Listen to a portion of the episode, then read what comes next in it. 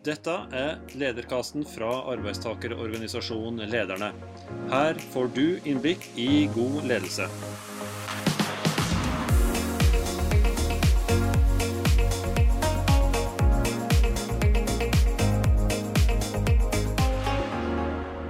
Vel møtt til lederkasten fra arbeidstakerorganisasjonen Lederne. Jeg heter Frode Stang, og jeg vikarierer i dag for programleder Sverre Simen Hov.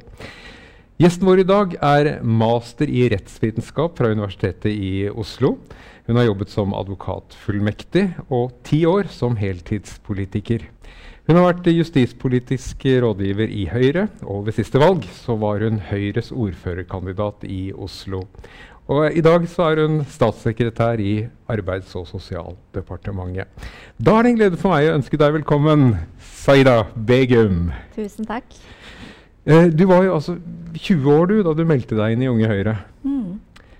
Hva lå bak det valget? Jeg møtte en fra Høyre på min uh, første arbeidsplass, som da var et uh, callsenter. Uh, og vi snakket jo mye om politikk. Og vi snakket både om arbeidspolitikken, skattepolitikken, og jeg skjønte jo etter hvert at uh, jeg var en uh, Høyre-jente. Jeg hadde jo stemt på Høyre før, men jeg var litt usikker om Høyre virkelig var mitt parti. Jeg sto litt mellom Venstre og Høyre på et tidspunkt. Og da var det nettopp den samtalen om arbeidspolitikk som var uh, avgjørende. Jeg jobbet jo på et sted hvor det var veldig stor gjennomstrømming av ansatte. Veldig unge ansatte. Dette var deltidsjobben din mens du studerte? Ja. ja. Eh, og det var en del som skulket, og jeg var veldig opptatt av at det skulle lønne seg å jobbe. Så når Høyre hadde det som slogan også i de årene, så eh, følte jeg bare OK, Høyre, det er mitt parti. det skal lønne seg å jobbe. Jeg har også skjønt at det er, liksom, det er jo skolepolitikken som mm. ligger ditt hjerte aller nærmest. Uh, hvorfor det? Fordi det er jo gjennom skole at vi utvisker sosiale forskjeller og gir alle like muligheter til å skape seg det livet de selv ønsker. Og jeg er jo selv et eksempel på det. Mine foreldre er jo arbeidsinnvandrere fra Pakistan. Mamma har aldri gått på skole. Pappa har eh, gått noen få år på skole og gått rett ut i arbeid. Mens uh, barna deres har jo hatt alle muligheter til å oppsøke eh, studier og selv ta de yrkesvalgene de vil, uavhengig av foreldrenes bakgrunn. Og det er jo nettopp pga. at vi har gått på en god skole hvor lærerne har løftet oss. Mm. Hvordan har ditt eget forhold til skole vært opp igjennom? Jeg har vært veldig glad i skolen. Eh, så jeg var, sånn, jeg var, veldig glad i å lese. Og vi hadde jo ikke sånn eh, fulle bokhyller hjemme hos oss, så jeg leste jo alt jeg kom over. Og da endte jeg opp med å lese alle skolebøkene sånn på starten av skoleåret. Eh, for det var de bøkene jeg hadde i første omgang, eh, utenom biblioteket. Så nei, jeg har alltid vært veldig glad i studier. Men hvor, hvor, kom den lesegleden fra? Var det noe som du ble oppmuntret til av foreldrene dine? Eller? Det var faktisk gjennom eh, bibliotekkaren på barneskolen jeg gikk på. Eh, jeg husker at jeg var inne på biblioteket en dag, og så gikk jeg rundt og bare så i hyllene. Og så huket hun tak i meg og fikk meg til å være med på sånn dukketeater og sånt. Og så utfordret hun meg til å lese en bok i uka. Og så fikk jeg en sånn premie hver gang jeg hadde lest ferdig en bok, og så diskuterte vi boka etterpå. Så ble det jo bare flere og flere bøker etter hvert. Så nei, hun har nok æren for at jeg ble så glad i å lese. Ok. Jeg, jeg, leste jo også sted at, at, faren din var ganske ambisiøs på dine vegne, og at det uh, var, ikke alltid bra nok med en femmer, for å si det sånn i matte? Nei. Da var han sånn Ja, men det manglet jo bare så mye til sekseren. Hvorfor kom ikke sekseren? Og det er jo egentlig uh, Dette her er jo sånn det man kaller for tigerforeldre. Da, sånn veldig ambisiøse foreldre. Og noen ganger så kan det jo kanskje bli litt for mye av det. Men i mitt tilfelle så fikk jo det meg til å reflektere også. Bare sånn, ja, det er jo sant. Hvorfor ble det ikke sekseren? Hva kunne jeg ha gjort bedre? Som gjorde meg på en måte litt og litt bedre fra gang til gang. da. Så jeg tror at uh, for min del så har det vært veldig sunt å ha foreldre som har stilt krav, og som også har fulgt oss opp på sin måte. For de har jo ikke kunnet hjelpe oss med leksene og den type ting. Men de har vært veldig opptatt av å høre hvordan det går med skolearbeidet. Ja. Du, du, du, vokste opp på, først på Holmen, Oslo vest. Mm. Uh, gikk på Huseby skole. Mm. Uh, hvordan, hvordan, var miljøet der? Hvordan var det å være si, barn av pakistanske foreldre der? Du, det var kjempefint. Det var nabolaget vårt på Holmen. Det var eh, alle dørene til naboene var åpne, og man kunne gå inn og leke med hvem man ville. Og det var jo veldig mange naboer som også skulle lære meg språk, jeg gikk jo ikke i barnehagen, så jeg lærte jo egentlig språket litt på gata gjennom nabobarna og eldre søsken. Så nei, oppveksten min på Holmen var eh, fantastisk, og folk var så åpne. Og vi gikk jo på middager eh, hjemme hos folk, og folk kom og spiste pakistansk middag hos oss. Så, så nei, det var kjempebra. Hvor, mange andre med skal vi si, en bakgrunn fra et annet land var det som gikk i din klasse opp igjennom f.eks.? Jeg gikk jo på Huseby, og der er jo skolekretsen eh, satt sammen sånn at du har både barn fra Røa, barn fra Holmen og barn fra Hovseter. Ja. Og fra Hovseter så var det en del eh, barn med minoritetsbakgrunn. Så jeg tror vi hadde ja, kanskje fire-fem med minoritetsbakgrunn i min klasse. Men var, var det en fordel at, uh, at det var skal vi si eh, ja, såpass mixed, eller, eller at, at, det var en overvekt av de norske, etnisk norske barna? da? Det er litt vanskelig for meg å si. Ja, sånn språklig sett, mener jeg? Jeg tror at språklig sett så var min klare fordel det at jeg hadde lært språket før jeg startet på skolen. Ja. Eh, for det ga meg jo en helt annen skolestart enn det en del av mine andre medelever fikk. Eh, for jeg husker jo at eh, to av jentene i klassen min som også hadde norsk-pakistansk bakgrunn, de hadde jo ikke eh, lært språket på forhånd. Men du, fordi du hadde så mange norske venner da, du var, før du begynte på ja, skolen? Ja, både det og at mine eldre søsken allerede hadde lært seg norsk. Så ja. jeg kunne lære via de. Eh, men jo, de måtte jo da starte på noe som het Norsk 2 eh, den gang. Og det var jo en sånn klasse hvor man stilte lavere krav til elevene. Du hadde faktisk læreplaner som var mindre ambisiøse for de elevene. Og jeg har jo tenkt veldig på hvor urettferdig egentlig det er å stille lavere krav og så si at ok, dette her er godt nok for deg. For da får du jo ikke de samme mulighetene videre i skoleløpet heller. Er det det du kaller de lave forventningers forbannelse? Ja. ja. Mm. Kan du bare utdype det uttrykket litt? Da? Jeg tror at eh, hvilke forventninger man blir møtt med, har veldig mye å si for hvordan man selv oppfatter sine muligheter. Noen kan jo bli motivert av lave forventninger fra omgivelsene og tenke at ok, nå skal jeg virkelig vise dere. Men for veldig mange andre så kan det gå den andre veien. Det å ikke ha folk som har tro på deg, kan gjøre at du selv mister troen på deg også. Og vi ser jo også fra eh, skolemiljøet at veldig mange elever slutter å rekke opp hånda, slutter å ta initiativ. Eh, når de opplever at de ikke blir sett, og når de opplever at de ikke har noe å komme med fordi læreren ikke oppmuntrer dem. Så det å ha høye forventninger eh, på vegne av både elever og ansatte, det tror jeg er kjempeviktig. Mm. Eh, altså, som jeg sa tidligere, så Moren og faren din er jo da fra Pakistan og, og har bakgrunn vokst opp der. Eh, kom til Norge, og etter hvert så ble dere da en familie med hele ni barn. Ja. Du har åtte søsken, og du er da som jeg har skjønt, i midten av denne søskenflokken. Mm. Eh, du er nummer jeg er nummer Og spør du veldig godt her.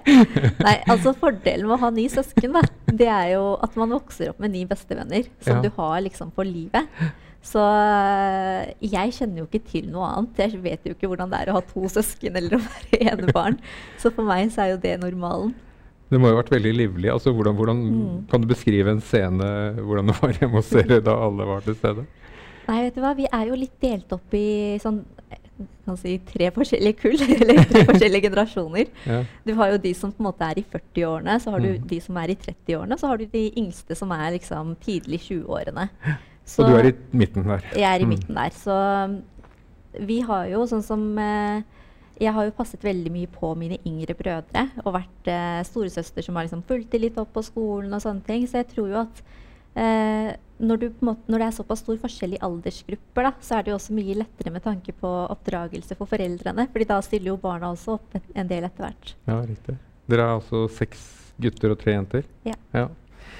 Um, de fleste av pakistanerne det er vel, snakker om kanskje 70% av de som kom, har kommet til Norge fra Pakistan. og De er jo fra et distrikt som heter Gujarat, Karian. Eh, og så er det noen som kommer fra byer som eh, Islamabad, Lahore. Men de fleste kommer altså da fra det distriktet i, i, i, på landsbygda. Mm. Og, og eh, det jeg tenker på av verdier, der er man mer, mer, konservative, mer religiøse egentlig enn de som kommer fra byene. Men, men, det ser ut som du har i hvert fall hatt, som jente hatt det veldig fritt? da.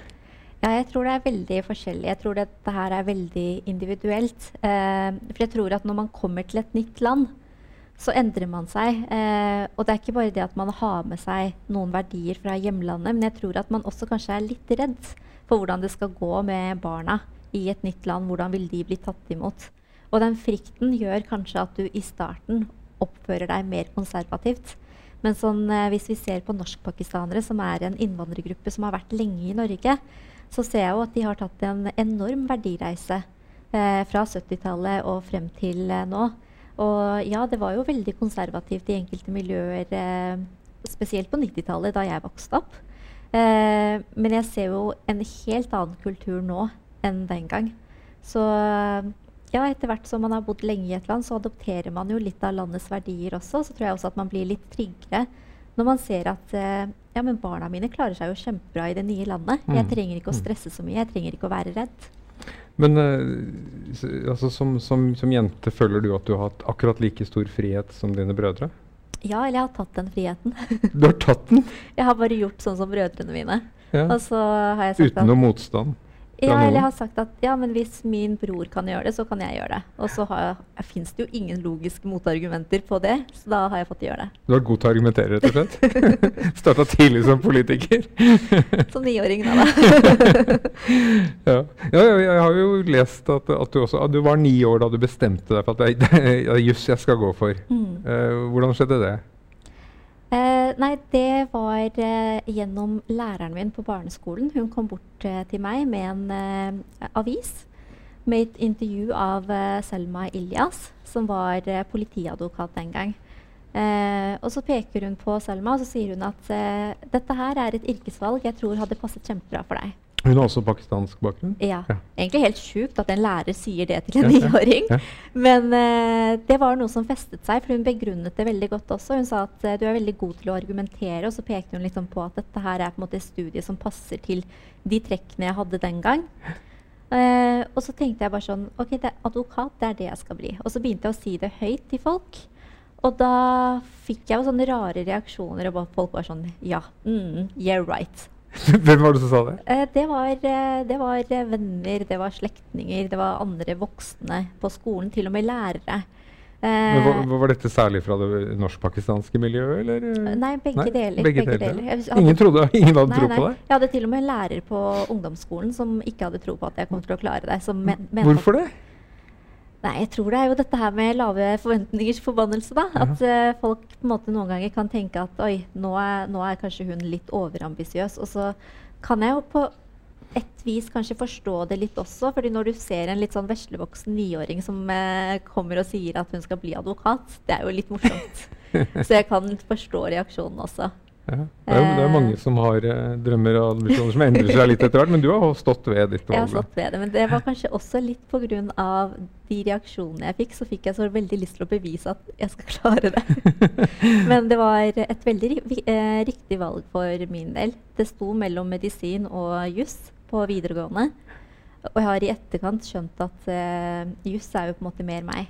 Uh, jeg er veldig glad i å lese, veldig glad i å på en måte argumentere, det å finne rettskilder for å på en måte fremme ditt syn. Alt dette er på en måte Jeg koser meg veldig når jeg jobber med juridisk arbeid, så jeg tror det var et riktig valg. Ja. Har du inspirert noen av søsknene dine også? Eller hvilke, hvilke, retninger har de gått? Nei, alle vi har egentlig gått litt sånn forskjellige retninger, så ingen av de har blitt ja, eksempelvis. Noen, har, noen, av de går jo økonomistudie økonomistudier på BI, så de har tatt det, den retningen. Jeg har også en storebror som er en bussjåfør, og så har jeg en søster som er hudpleier. Så vi har egentlig gått helt forskjellige retninger. Ja. um, så da du, etter videregående så gikk du rett på jussen? Nei, da tok Nei. jeg et friår. Du tok et friår, ja. ja Hva gjorde da du da? Fikk jeg, da fikk jeg et jobbtilbud fra et callsenter jeg hadde jobbet deltid på mens jeg gikk på videregående. Og så sa de at eh, har du lyst til å jobbe fulltid hos oss, både som selger, men da får du også en jobb som salgsleder.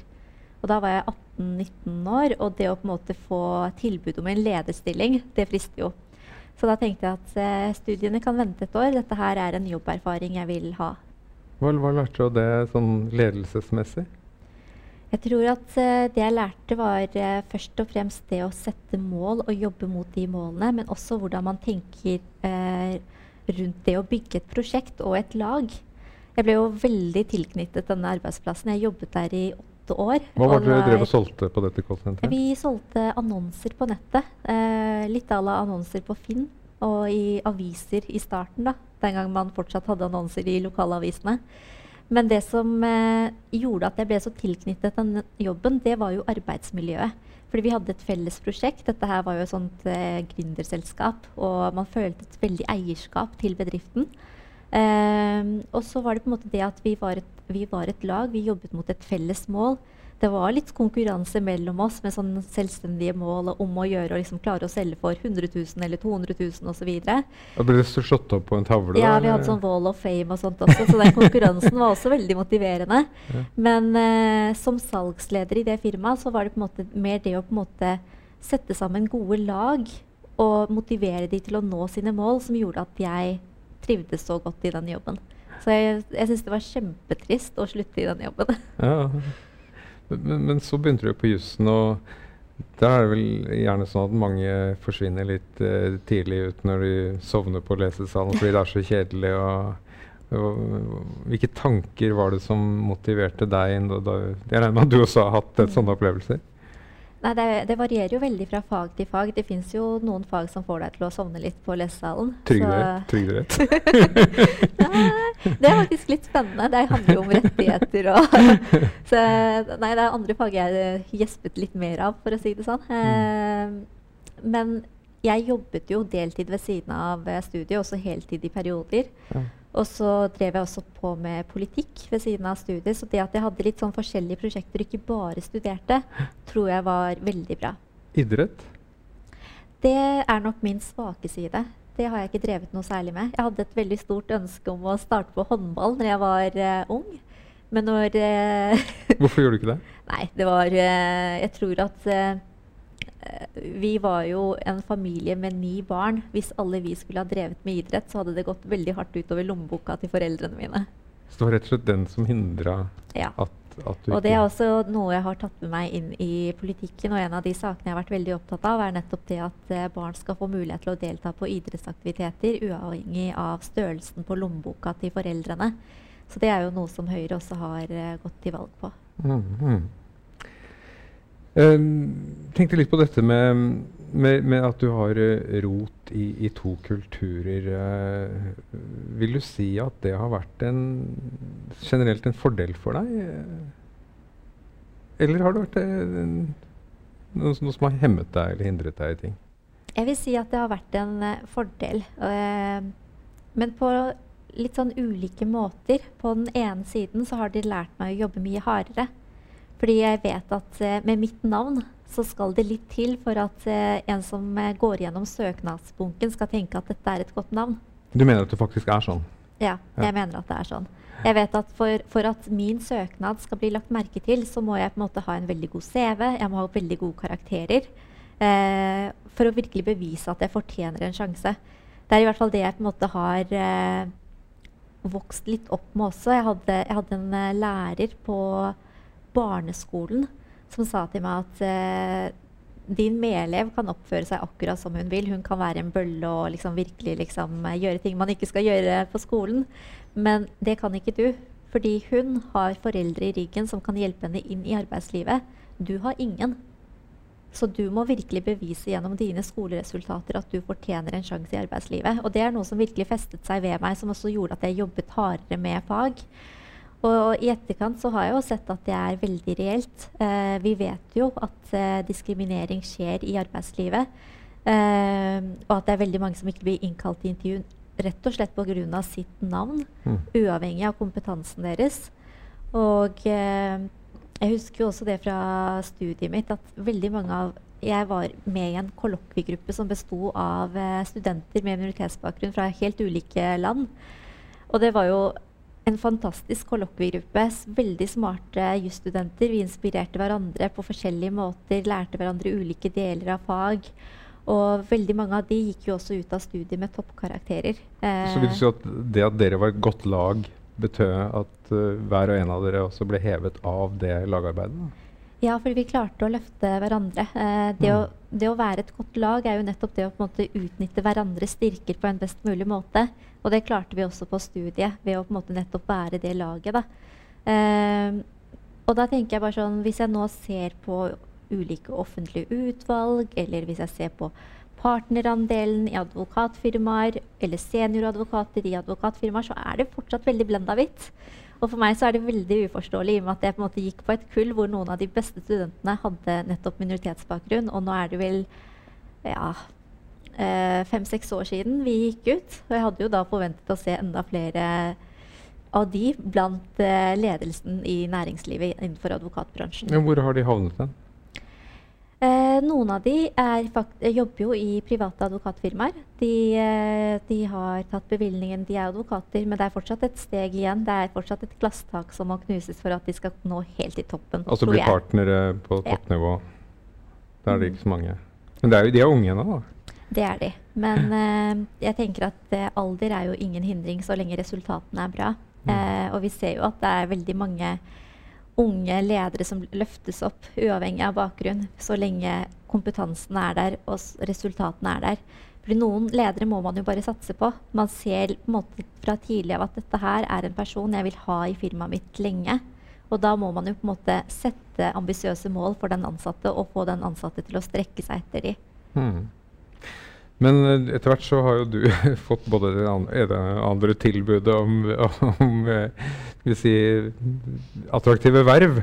Uh, høsten 2018 så fikk du en telefon mm. om et visst verv. Kan du ta oss tilbake til da den samtalen kom? Uh, ja, den samtalen kom veldig tidlig på dagen. Var, jeg fikk en telefon sånn rundt klokken fem på morgenen. Uh, og jeg så at det var lederen av nominasjonskomiteen som hadde ringt. Og da tenkte jeg bare sånn I Høyre? I Høyre. Mm. Og da tenkte jeg at eh, nå får jeg sikkert en dårlig nyhet. Fordi jeg hadde stått på sånn fast plass på kommunestyrelista i to perioder på rad. Så det var jo ikke gitt at jeg skulle få en fast plass tredje perioden på rad. For det er jo naturlig med utskiftning. Eh, så jeg var egentlig litt sånn klar, og klar over at eh, ja, det kan godt hende at jeg ikke er på topp ti-lista denne gangen, i og med at jeg har vært det to ganger før. Så jeg tenkte at ok, den telefonsamtalen her vil jeg ikke ta her og nå. Jeg må bare sette meg ned og samle meg litt før jeg tar den. Så det var det jeg gjorde. Jeg brukte sånn to minutter på å sette meg ned på gulvet. og så ringte jeg opp eh, lederen av nominasjonskomiteen og var liksom klar for en dårlig nyhet. Og det første hun sier, er at eh, Saida, det er helt klart at du kommer på topp ti-lista, men vi har større planer for deg. Vi lurer på om du vil bli Oslo Høyres ordførerkandidat. Hva, hva tenkte du da? da måtte jeg klype meg selv litt i armen. Og så klarte jeg ikke å si ja eller nei på rappen på et sånt spørsmål. Det er jo et veldig stort verv med veldig mye ansvar. Og jeg var også veldig redd for hvordan en sånn nyhet ville bli tatt imot. Eh, både internt i partiet, men også utad blant folk. For det er jo ikke bare bare å hoppe etter en veldig populær ordfører som Fabian Stang. Eh, og så får du på en måte en ung dame som attpåtil har minoritetsbakgrunn. Det burde jo ikke ha noe å si, men jeg var redd for at det allikevel skulle ha noe å si. Fordi jeg vet at folk som kjenner meg, de heier på meg. Men de som ikke kjenner meg, for de så var jeg jo på en måte et ubeskrevet blad i politikken. Og ubeskrevne blader blir jo ikke ofte ordførerkandidater. Nei, men, men, du bestemte deg jo da for å svare ja? Jeg bestemte meg for å svare ja. ja. Jeg, jeg, tenkte meg om i sånn to-tre dager. Og så fikk jeg jo ikke lov til å diskutere det med noen, for det skulle jo være hemmelig.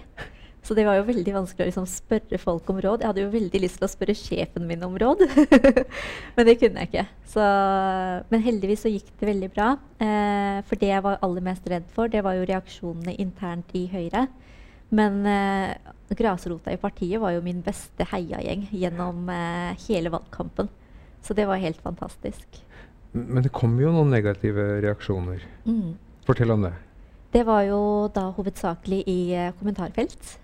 Hvor, eh, på Facebook? på Facebook, eh, i nettavisenes eh, kommentarfelt. Særlig i Særlig under kommentarfeltene til sånn sider som Resett og dokument.no og sånt. Leser du de vanligvis? Vanligvis ikke, men jeg leste de som gjaldt meg. Man blir jo litt nysgjerrig. Um, og jeg leste de, og da skjønte jeg jo også at folk som har skrevet disse kommentarene, de kjenner jo meg egentlig ikke. Hva sto det over? Det sto veldig mye rart. Det sto, det sto ting som at, eh, at jeg ikke kan snakke norsk.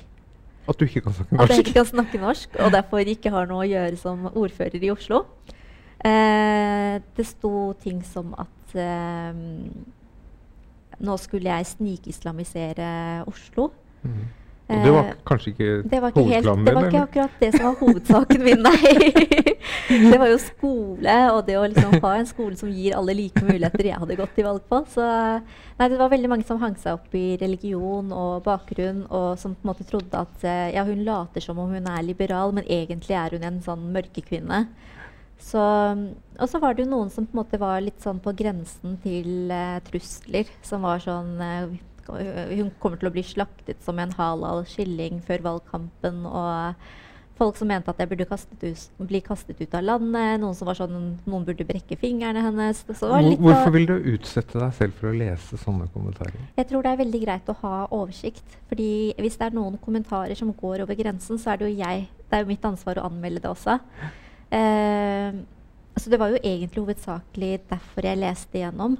Eh, men jeg tror at det at jeg hadde et parti i ryggen, og et eh, grasrota i partiet som heiet på meg, som skrev så mye positivt om meg på sosiale medier, gjorde at jeg på en måte taklet det så mye bedre. For jeg visste at de som kjenner meg, de liker meg jo.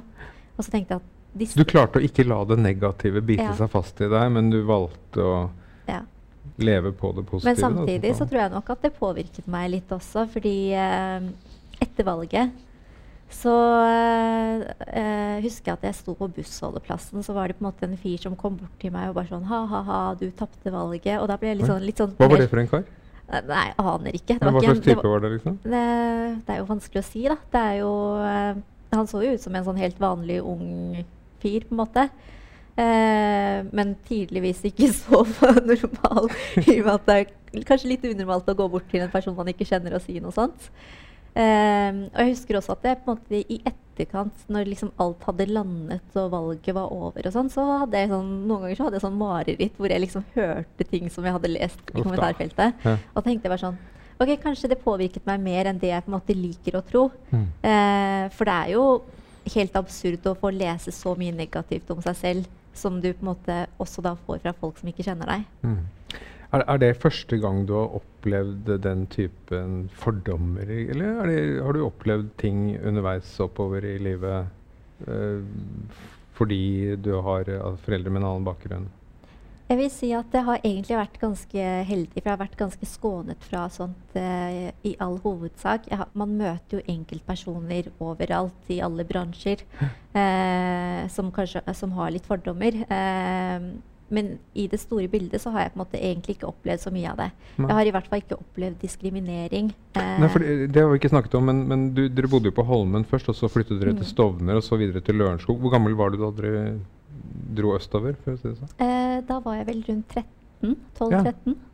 Ja. Hva- Var det øh, På hvilken måte var det, ble det annerledes å, å bo på disse stedene, Stovner og Jeg syns, eh, Lørenskog? jeg syns Oslo, eh, Oslo Det å bo i Oslo var egentlig helt fantastisk. Det var, jeg ble tatt godt imot. eh, både på Holmen og på Stovner. Det føltes som mitt eget eh, hjem, og folk var positive og veldig åpne.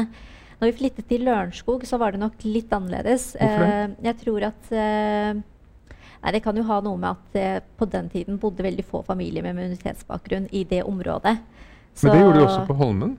Ja, men der er eh, Var mentaliteten en annen der? Det- altså, er det det liksom stedsavhengig hvordan mentaliteten er? Det, det, det, var, det var en forskjell. Jeg tror at Oslo er uh, mye mer åpen og inkluderende. Så du var litt mer ute på, på landet der? Altså Ja. litt mer skepsis, eller? På den tiden så var det det. Eh, ting endrer seg jo. Eh, Nå er det jo veldig mange med immunitetsbakgrunn som eh, bor i Lørenskog også. Men jeg husker at sånn, eh, den overgangen syns jeg var litt sånn uh, uvant og ny. Eh, det å på en måte gå fra Oslo til Lørenskog i den alderen. Hvor var det best å bo? På disse tre stedene du vokste opp? Du spør jo en Oslo-patriot. så nei, jeg flyttet tilbake til Oslo så fort jeg fikk muligheten. Ok. Mm. ja. Hvis du skulle beskrive Oslo for, for en, en utlending som ikke har vært her, hvordan vil du beskrive byen? Nei, Oslo er for meg helt fantastisk. Det er jo det som er mitt hjem. Åpen, inkluderende. Og jeg vil jo også si at det er på en måte her jeg har vokst opp og på en måte virkelig følt at min bakgrunn ikke skal ha noe å si. Du møter enkeltpersoner som på en måte prøver å si det motsatte til deg, men i det store og hele så er Oslo-folk helt fantastiske. Mm. Eh, tilbake til politikken. Eh, du eh, fikk jo da et ganske stort verv etter hvert. Altså i 2020, Tidlig i 2020 ble du vel da, da Fremskrittspartiet gikk ut av regjering. Mm. Da ble du statssekretær. Mm. Eh, og hvordan opplevde du å få en sånn rolle? Det har vært utrolig lærerikt, først og fremst. Jeg kom jo inn i et uh, departement helt ny i rollen som statssekretær, og vi hadde et politisk prosjekt som gikk ut på, på måte, nettopp det å måte, sørge for at alle skal ha like muligheter, utjevne sosiale forskjeller, sørge for at uh, fattigdom ikke går i arv. Det var på en måte vårt store politiske prosjekt. Uh, og så kom koronakrisen. Mm. Og så ble liksom alt, alle baller ble liksom kastet opp i lufta på nytt. Og plutselig så jobbet man jo med hastearbeid med å få på plass nye økonomiske ordninger og forskrifter. og det, det, var veldig mye som skjedde i løpet av veldig kort tid. Det var en veldig sånn, bratt oppoverbakke å være med på, men utrolig men du, var, du hadde jo også en slags lederrolle der, ikke sant? Ja. Hvordan utførte du den? Hva vil du si? Jeg lærte veldig mye av eh, min sjef, som er Torbjørn Røe Isaksen. Uh, og det han er veldig god på, er jo på en måte nettopp det å på en måte tenke lag og prosjekt. Det å på en måte være veldig god på tilbakemeldinger. Og som statssekretær så har jo jeg ansvaret for ulike fagavdelinger i departementet, og ansvaret for å sørge for at saker kommer igjennom til de fristene vi trenger å få de igjennom. At eh, vi får inn den politikken vi ønsker. Um, og nettopp det å på en måte tenke veldig sånn målbasert, eh, akkurat som i privat næringsliv, akkurat som på det callsenteret, at man har noen mål, at man har noen tidsfrister. Eh, at man sørger for å måte følge opp folk, for å sørge for at ting kommer når de skal komme. At ting ser ut som de skal se ut. Eh, at man har det riktige innholdet. Da må man være god på å gi tilbakemeldinger til folk rundt seg, og det tror jeg at det er. Hvor mange medarbeidere vil du si du har lederansvar for i, i departementet?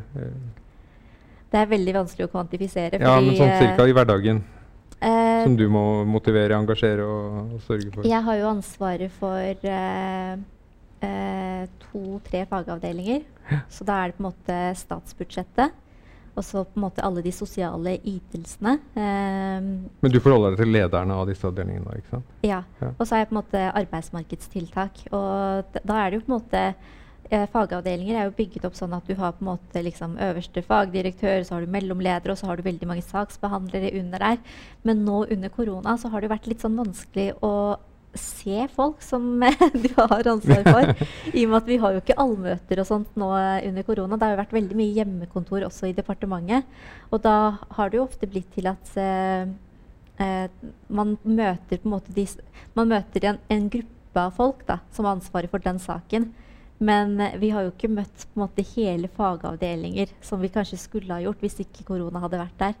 Eh, så sånn som De ukentlige møtene vi har med fagavdelingene, da er det jo med de som på en måte har ansvaret for akkurat de sakene som er mest aktuelle der og da.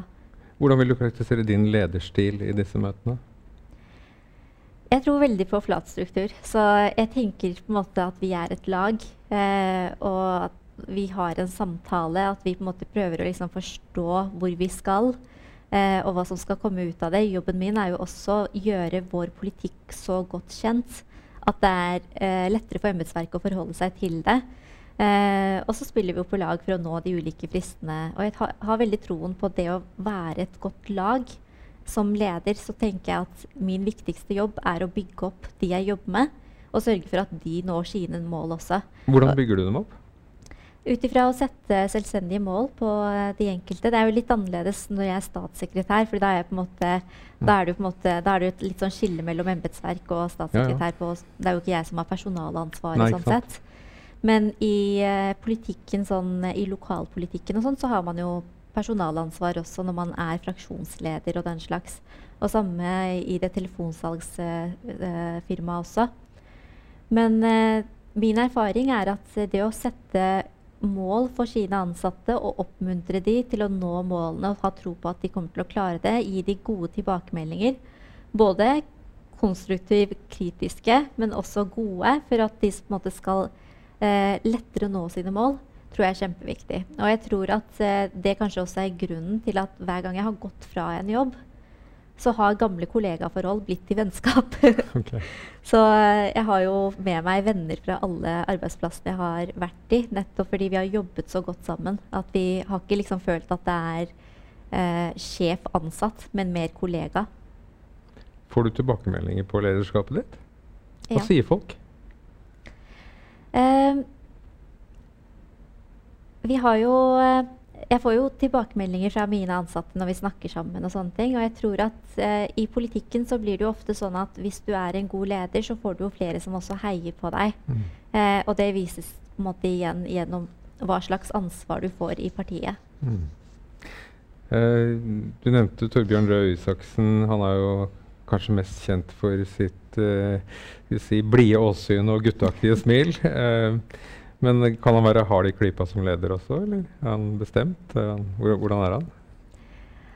Han er, det er utrolig morsomt å jobbe for Torbjørn. fordi han er jo, som du sier, veldig blid og er veldig morsom å jobbe for. Men han er også veldig sånn at han setter ganske klare krav til uh, hva du skal gjøre som statssekretær, og hva du skal få igjennom. Så du får jo veldig mye ansvar fra han. Eh, og da må du jo levere innenfor det ansvaret du får. Så det, jeg har egentlig lært veldig mye av han. Nettopp det på en måte at du kan være veldig sånn kompisaktig, men samtidig så er du sjef. Det er du som på en måte stiller kravene, det er du som på en måte har det, to det totale ansvaret.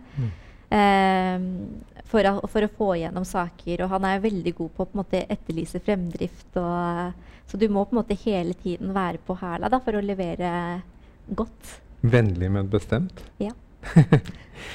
Du, jeg, jeg tenker vi, vi må få vite litt mer om deg. Eh, hva, hva, hva gjør du nå når du ikke altså når, Hva gjør du når du ikke jobber? Hva, hva driver du med da? Du, korona har jo gitt oss alle litt mer tid, fordi vi kan ikke gjøre det vi vanligvis gjør, og man har vært litt mindre sosial enn det man vanligvis er. Så nå gjennom det siste året så har jeg blitt veldig god på planter. Planter! jeg har blitt veldig god på planter, så det har Ja. blitt en hobby. Og så okay. har jeg hatt som mål at jeg skal lære meg å stå på langrenn. Så det har jeg gjort eh, I vinter? I, i vinter. Og neste, Hvordan gikk det? Eh, Altså det, det gikk ikke så veldig bra første gangen, men det gikk Var det første bedre. gang du gikk på langrenn? Ja, jeg har prøvd slalåm før, men langrenn hadde jeg aldri prøvd. Okay. Så nei, det var kjempegøy, og det var jo virkelig god trening. Tok du kurs da, eller? Nei, jeg, jeg lærte av en eh, gammel kollega. Ok. Så dere dro opp i marka, og Ja. hvor var dere gikk hen? Vi var og gikk borte ved mm, eh, Ellingsrudåsen. Å ja. Ja. Ellingsråsen, ja. I løypene ble det mange, mye knall og fall, eller? Jeg, jeg startet på sånn flatt eh, område. så nei, det ble faktisk ikke det. Men Nei. det var jo fordi jeg på en måte startet ut ifra mitt nivå. Men om et par år så ser vi deg komme skøytene Ja, i full fart gjennom kan, det kan hende. Og da kan det også hende at det blir knall og fall. Hvordan bruker du Oslo ellers? Er du mye ute ved fjorden, eller er, liker du å gå på kafé, eller hva, hvordan bruker du byen? Ehm, jeg eh, elsker å gå turer i marka. Så elsker kafeer. Veldig glad i min caffè latte. uh, nei, generelt så Jeg bor jo like ved Akerselva, så jeg elsker jo på en måte å gå turer langs Akerselva. Og benytte meg av alle disse nye restaurantene som popper opp overalt. Og så er det jo kjempegøy å se den nye bydelen uh, Bjørvika, da. Eh, som på en måte har fått eh, Hvor det faktisk har blitt veldig mye liv, mye folkeliv. For det er på en måte mye spennende som skjer på bakkeplan. Du har, du har Deichmanske, du har eh, det nye Munch-museet som åpner snart, og så har du på en måte alle disse kafeene og restaurantene. Så det er, jeg føler at Oslo er på en måte et sted du aldri blir helt ferdig med. For det kommer hele tiden nye ting poppende opp Mm. som gjør det spennende. Jeg, jeg så et sted at du hadde svart på en eller annen sånn eh, s- Ti ting du har lyst til å gjøre eller, eller, eller driver med. Så svarte du at eh, du, du, du likte å sitte på jaktpost. Var det bare noe du tulla med? eller? Har du, har du jakta noen gang? Nei, det har jeg ikke. Det var ikke det? Nei, da, da var det sikkert bare tull. Men, eh, men det sto også noe om at du kjørte MC. At du kjører motorsykkel. Men det, det er også bare tull, da, kanskje? Jeg tror det må ha vært en annen side av Begum. Det har jeg aldri gjort. Men kjører du rundt på disse her uh, uh, sparkesyklene i byen? da? det, det er mer mitt nivå. jeg er veldig glad i disse sparkesyklene. Ikke Ja. alle de som ligger strødd utover gata, for jeg mener jo at det skal være et uh, godt system for det. Mm. Men jeg hadde min egen, eh, som Mm. jeg brukte veldig aktivt i valgkampen for å rekke å komme fram til avtaler og sånt. Og nå har jeg Før korona så hadde jeg aldri sittet i førersetet på en bil engang. Så jeg har ikke lappen. Men nå har jeg startet på det prosjektet også. Ok, du har litt å holde pusle med foran deg, da. Men når man googler deg, så, så det første som kommer opp, det er uh, Saida Begum gift, Saida Begum kjæreste. Det er jo det uh, tydeligvis veldig mange lurer på, da. Mm. Vil du fortelle oss hva ståa er? Nei, jeg skjønner at folk er nysgjerrige. Eh, jeg har jo eh, også sett Jeg har fått sånn screenshot av venner fra Jodel hvor det står at jeg er gift og sånn. Og så er jeg bare sånn der Å ja. Jeg har fortsatt til gode å møte min ektemann, så Nei, jeg er singel. Ja, Mm, Og du trives i denne rollen? Du har kanskje noe å holde på med i livet? det har jeg. Ja. Så jeg trives der jeg er. Mm. Du, eh, vi nærmer oss jo høsten og stortingsvalg. Eh, kan du fortelle litt om hvordan du har tenkt å drive valgkamp, og hvor? Dette her blir jo en spesiell valgkamp med tanke på at vi befinner oss i en uh, pandemi. Så, men jeg, nå er det jo sånn at uh, etter hvert som flere og flere blir vaksinert, og mer og mer av Norge åpner opp, så kan jo vi politikere begynne å reise rundt igjen også. Som er det vi er vant til. Vi er jo vant til å besøke bedrifter, besøke familier, barnehager, skoler. Og det er jo nettopp disse møtene som gjør oss klokere som mennesker. For vi tar jo med oss de samtalene tilbake til skrivebordet når vi også skal utvikle politikk. Så det har jo vært en, eh, et savn gjennom det året som har gått. Men eh, det skal vi gjøre mer av nå til eh, høsten. Mm. Så jeg kommer til å reise mye rundt i Oslo og besøke bedrifter, skoler, barnehager for å igjen få disse møtene med folk som er der og opplever politikken vår i praksis. Ja. Det, det ser jo litt skummelt ut for Høyre med tanke på meningsmålinger nå. Dere må ta et skikkelig krafttak. Eh, hva, hva, hva er nøkkelen til å snu denne trenden og klare å få til en borgerlig valgseier? Det er at vi fortsatt er sultne på å gjøre mer. Vi har en utrolig stor oppgave foran oss nå i lys av eh, pandemien. Og det er å sørge for at eh, arbeidsledigheten går ned. Så jobb til alle er jo vår eh, viktigste jobb fremover. Og det mener jeg at Høyre har den beste politikken for å få til. Nettopp fordi vi spiller på lag med næringslivet, og det er næringslivet som sørger for at arbeidsplassene popper opp. Er det et sexy nok budskap til å få gallupen i været? Jeg tror at eh, for veldig mange så er nettopp det å på en måte ha den tryggheten av å ha en arbeidsplass å gå til, er utrolig viktig.